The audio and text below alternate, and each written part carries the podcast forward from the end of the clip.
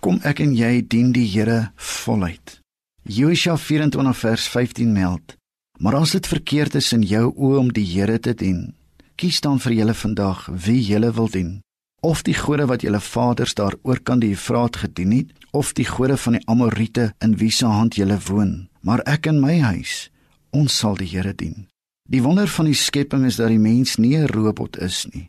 Ons is geskep met 'n vrye wil maar met die wil moet ons sorgvuldig en versigtig omgaan want die keuses wat ons maak gaan ons eindbestemming bepaal uit Josua die volk se lewe sien ons dat daar verskille was mense dien verskillende gode Josua vra: "Kom mense, neem die regte keuses." Vroeg in die môre word ons gekonfronteer met keuses. Gaan ek 'n bietjie langer in lê? In die middag is ons keuse dalk gaan ek die ekstra myl stap en in die aand is daar weer keuse. Elke dag eis hy pond keuse. Ons word aangeraai om soos Josua die regte keuse te maak. Watter keuses moes Josua maak? Die keuse oor aanbidding. Alle mense is inherënt besig om iets te aanbid.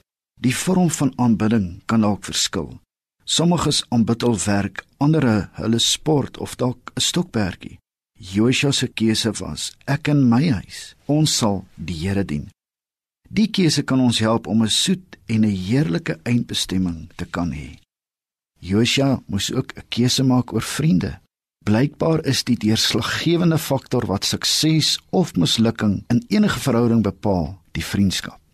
Wie is jou vriende? aan wie wy jy jou lewe? Miskien moet jy dalk net weer hieroor besin. Mag dit so wees dat jou vriende jou net na hoër hoogtes toe aanspoor. Indien nie, moet jy dalk weer nuut besin oor jou vriendekring. Josua het. Die derde keuse wat Josua moes neem, is die keuse oor sy toekoms.